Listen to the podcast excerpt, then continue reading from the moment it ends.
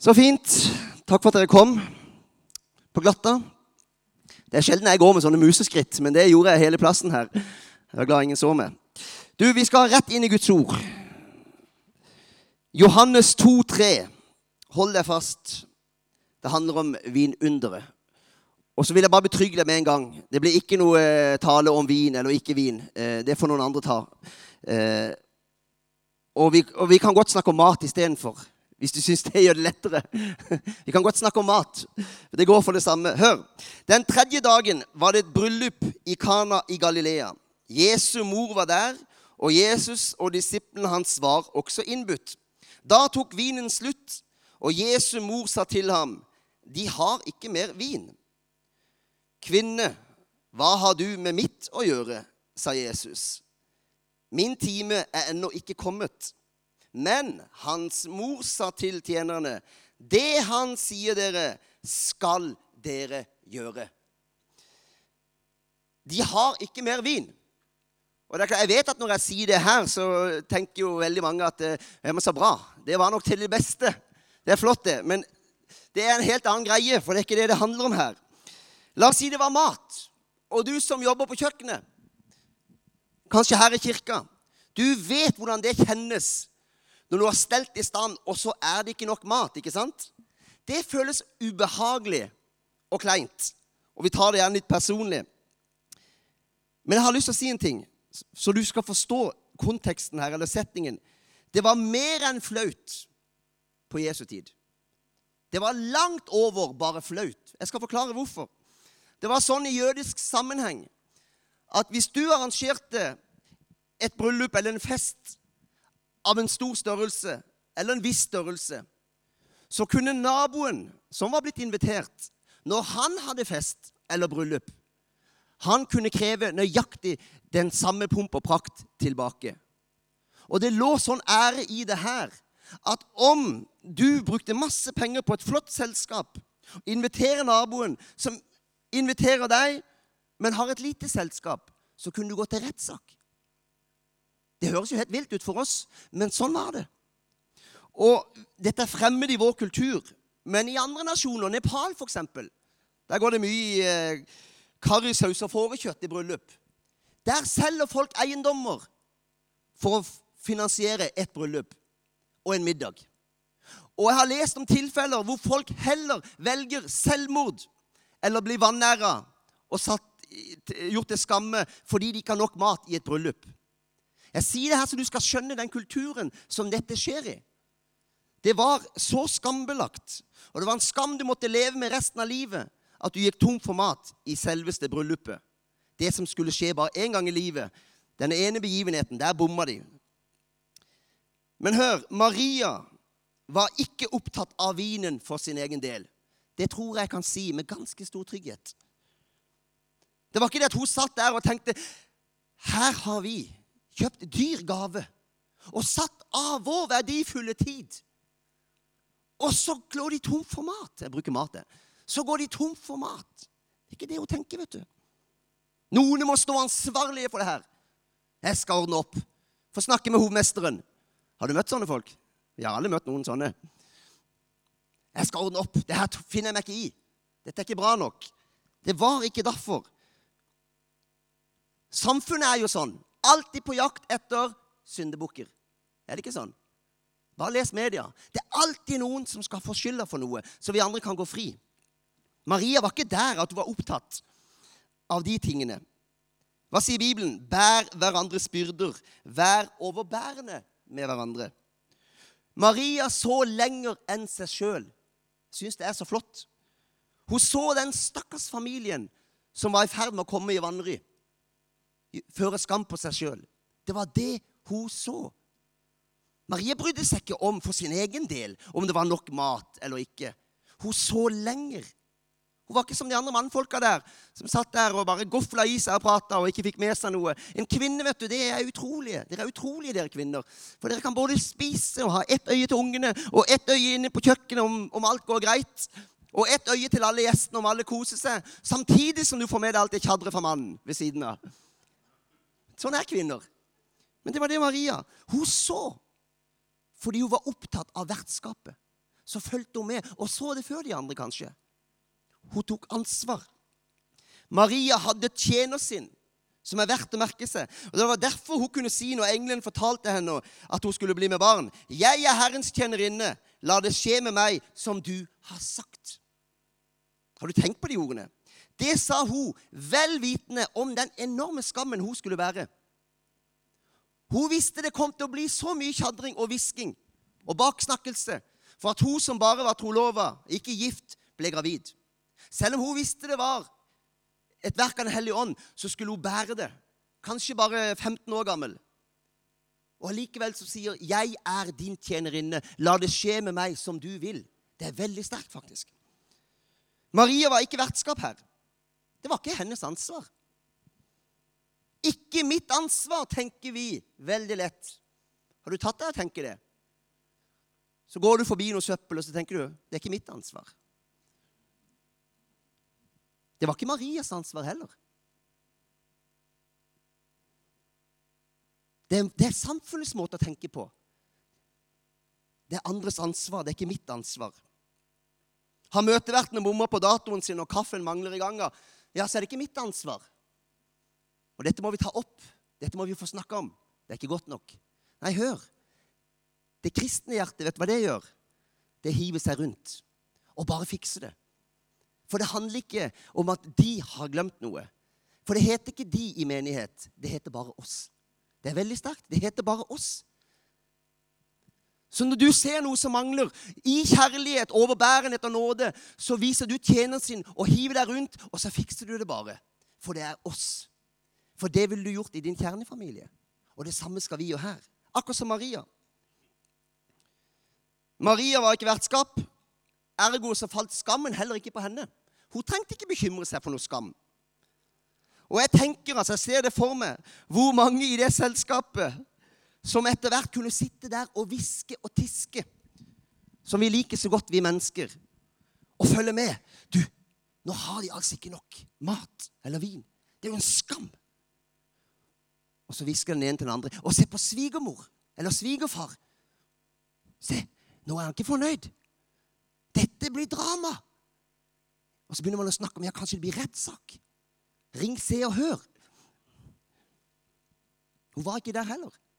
Langt ifra. Hun satt ikke der og tenkte ja, nå blir det spennende å se de, hvordan de skal løse dette. Og så tjenerskapet løp rundt forvirra eh, som høns der og prøvde å fikse opp. Veldig underholdende, vet du. Skadefryd. Det er det mye av i samfunnet. Masse skadefryd. Men ikke hos oss. ikke det bra? For vi har fått noe annet på innsida. Et tjenersinn som vi har fått direkte av Han fordi Han tjente oss først. Maria tenk på hun da, hun ble utpekt av Herren sjøl til å bære fram Guds sønn, verdens største under. Og Menneskelig sett så burde hun hatt stjernestatus fra dag én. Hun burde jo det. Hun burde vært den som ble tjent, men det var hun som tjente. Det er så bibelsk, og det er så rett, og det er så godt. Lukas 22, 27. Men jeg er som en tjener blant dere. Hvem sier det? Vet dere det? Jeg er som en tjener blant dere. Jesus sier det til disiplene. Her kommer Guds sønn, majesteten, kongen over alle konger, og sier, 'Jeg er som en tjener blant dere'. Og de folkene tjente, det var ikke engang fornemme folk høyt på rangstigen. Det var de enkleste av de enkleste. Fiskere og bønder. De kom han for å tjene. Markus 10, 43 sier, 'Den som vil være stor blant dere, skal være alles tjener.' 'Og den som vil være den fremste blant dere, skal være alles trell.' For menneskesønnen er ikke kommet for å la seg tjene, men for selv å tjene og gi sitt liv som løsepenger for mange. Uansett hvilke gaver eller hvilke kall du har i livet, eller hvilken nådegave du har, uansett hvor sterk den måtte være, så blir du Du kommer aldri høyere enn at du blir, forblir og er en tjener. Er det litt trist, det? Litt? Er det fint? Er det ikke bra? Om du blir konge, holdt jeg på å si, eller president, så er du fremdeles, hvis du vil være en kristen, en tjener. Om du er profet og har de største evangelistgavene, så er du fremdeles bare en tjener. Og det er viktig. Altså Når han kunne komme og være en tjener, skal vi da tenke at vi skal være noe mer? Nei, langt derifra. Ja, Men det er ikke så sterkt, det der. Jo, det er veldig sterkt, skjønner du. For kraften bor i disse tingene.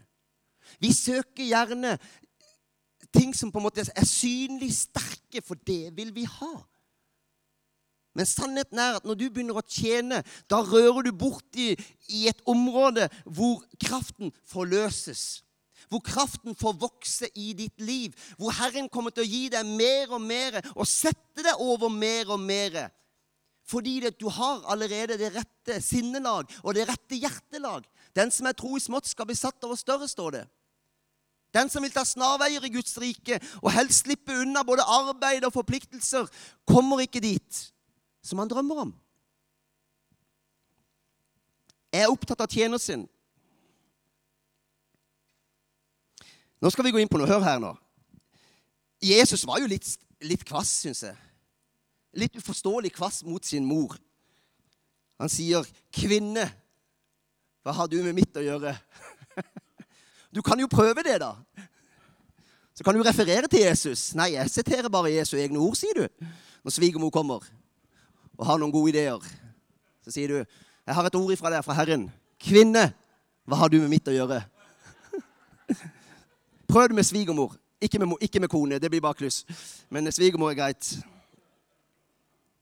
Hør, i 30 tålmodige, lange år så venta Maria. Jeg vet ikke hvor mye du har tenkt på det. Hva de 30 årene må ha kosta henne. Hun venta på forløsningen av Jesu tjeneste i 30 år. Og i 30 år så holdt hun fast ved løftene som hun hadde fått fra Herren urokkelig, men sikkert undrende. Når skal det skje? Mannen begynner jo å bli voksen. Han er jo 30 år. Og i 30 år så har hun på mange måter levd med skammen. Har du tenkt på det? Og i 30 år så har hun undra seg. Når skal det skje? Men hun holdt fast. Johannes 7,3 sier, brødrene hans sa da til ham Dra bort herfra og reis til Judea, så også disiplene dine kan få se de gjerninger du gjør. For ingen virker i det skjulte hvis han vil bli kjent. Når du nå gjør slike gjerninger, stå fram for all verden. Det var fint sagt, tenker du, av brødrene. Men det er ikke det. For det er ironisk. Det er ironisk. Hvis du vil bli kjent, sier de til Jesus De kjenner jo ikke broren sin. Når begynte Jesus å jakte på kjendisstatus og makt og karriere? Aldri. De kjente ikke sin egen bror. Han levde aldri noen gang for seg sjøl. Han kom og ble født inn i verden for å leve for andre. Og allikevel så prøver de å friste han. Og vet du hvorfor? For det står like over her.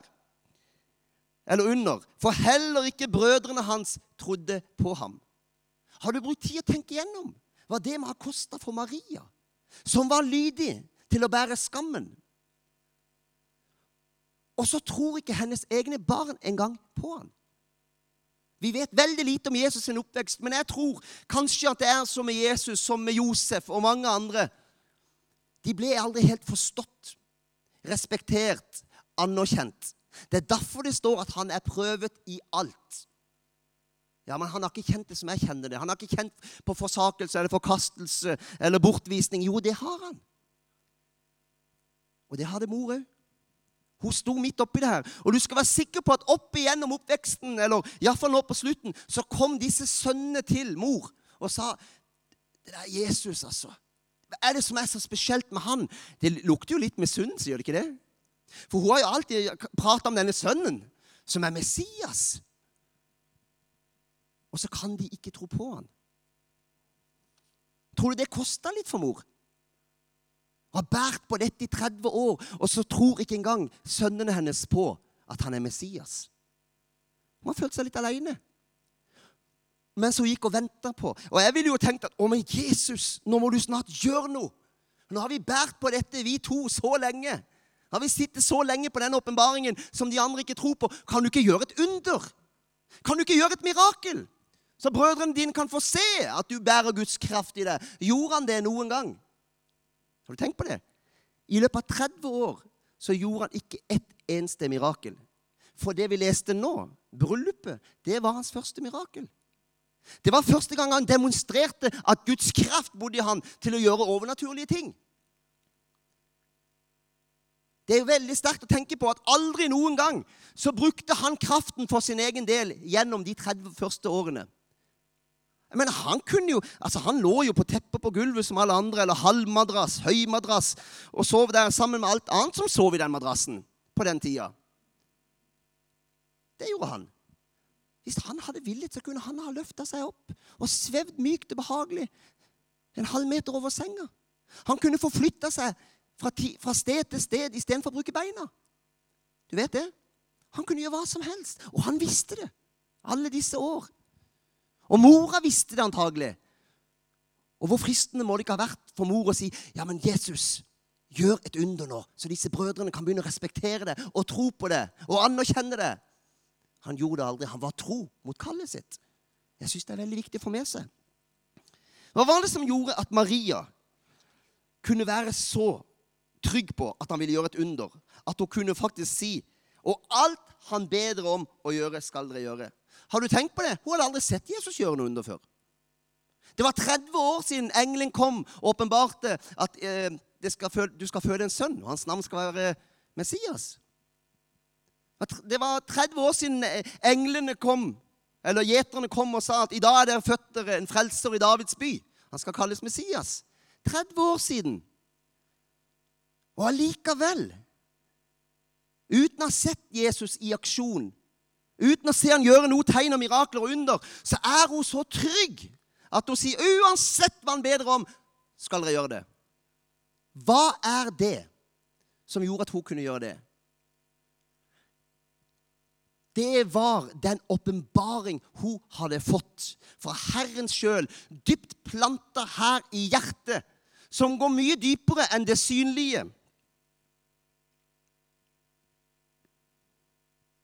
Vi leiter jo ofte etter det synlige. 'Herre, bare vis meg noe. Vis meg et tegn.' Men Maria handla faktisk i ren tro. Har du tenkt på det? Her var det mange ark, gitt. Men det er stor skrift, da.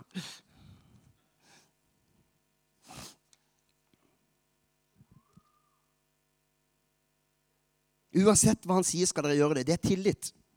Han hadde jo egentlig sagt det var for tidlig. Men mor er mor. Og svigermor er svigermor.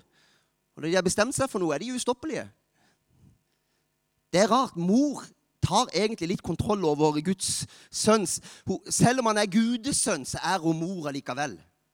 Og nå er hun tydeligvis klar.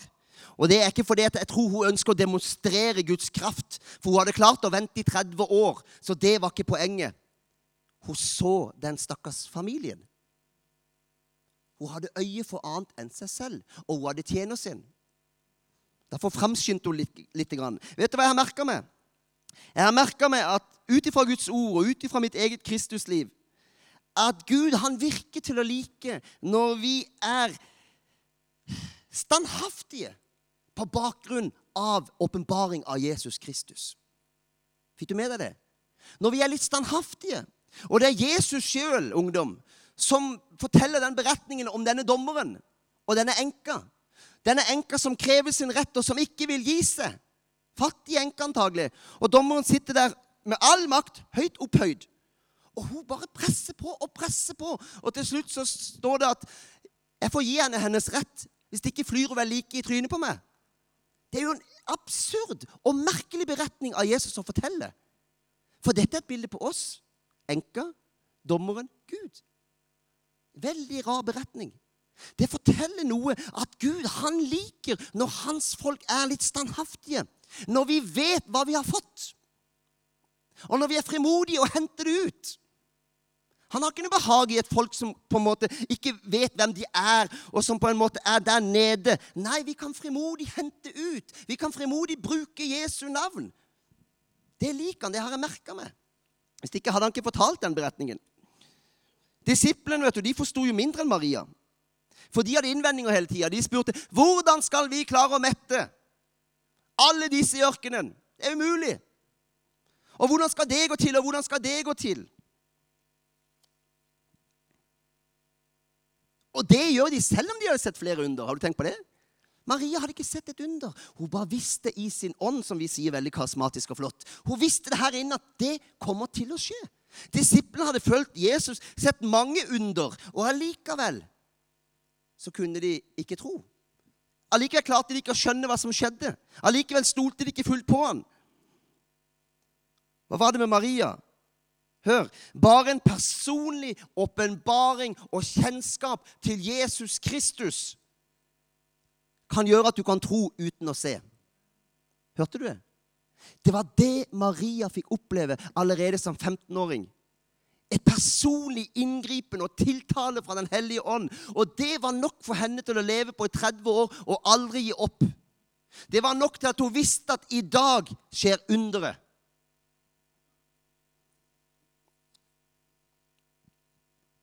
Hun handla ikke ut ifra tidligere under hun hadde sett eller opplevd, men hun handla ut ifra et ord ifra Den hellige ånd. Og Det er derfor vi er så opptatt av å si det er Skriften som forløser. Det er Skriften som er vår rettesnor. Det er Den hellige ånd som er det viktigste å, led, å bli leder av. Ikke opplevelser, ikke nådegaver, ikke hva alle andre sier, faktisk, men Den hellige ånd. Hun hadde tatt vare på det hjertet sitt. Åpenbaring av ham er verdt mer enn tusen under.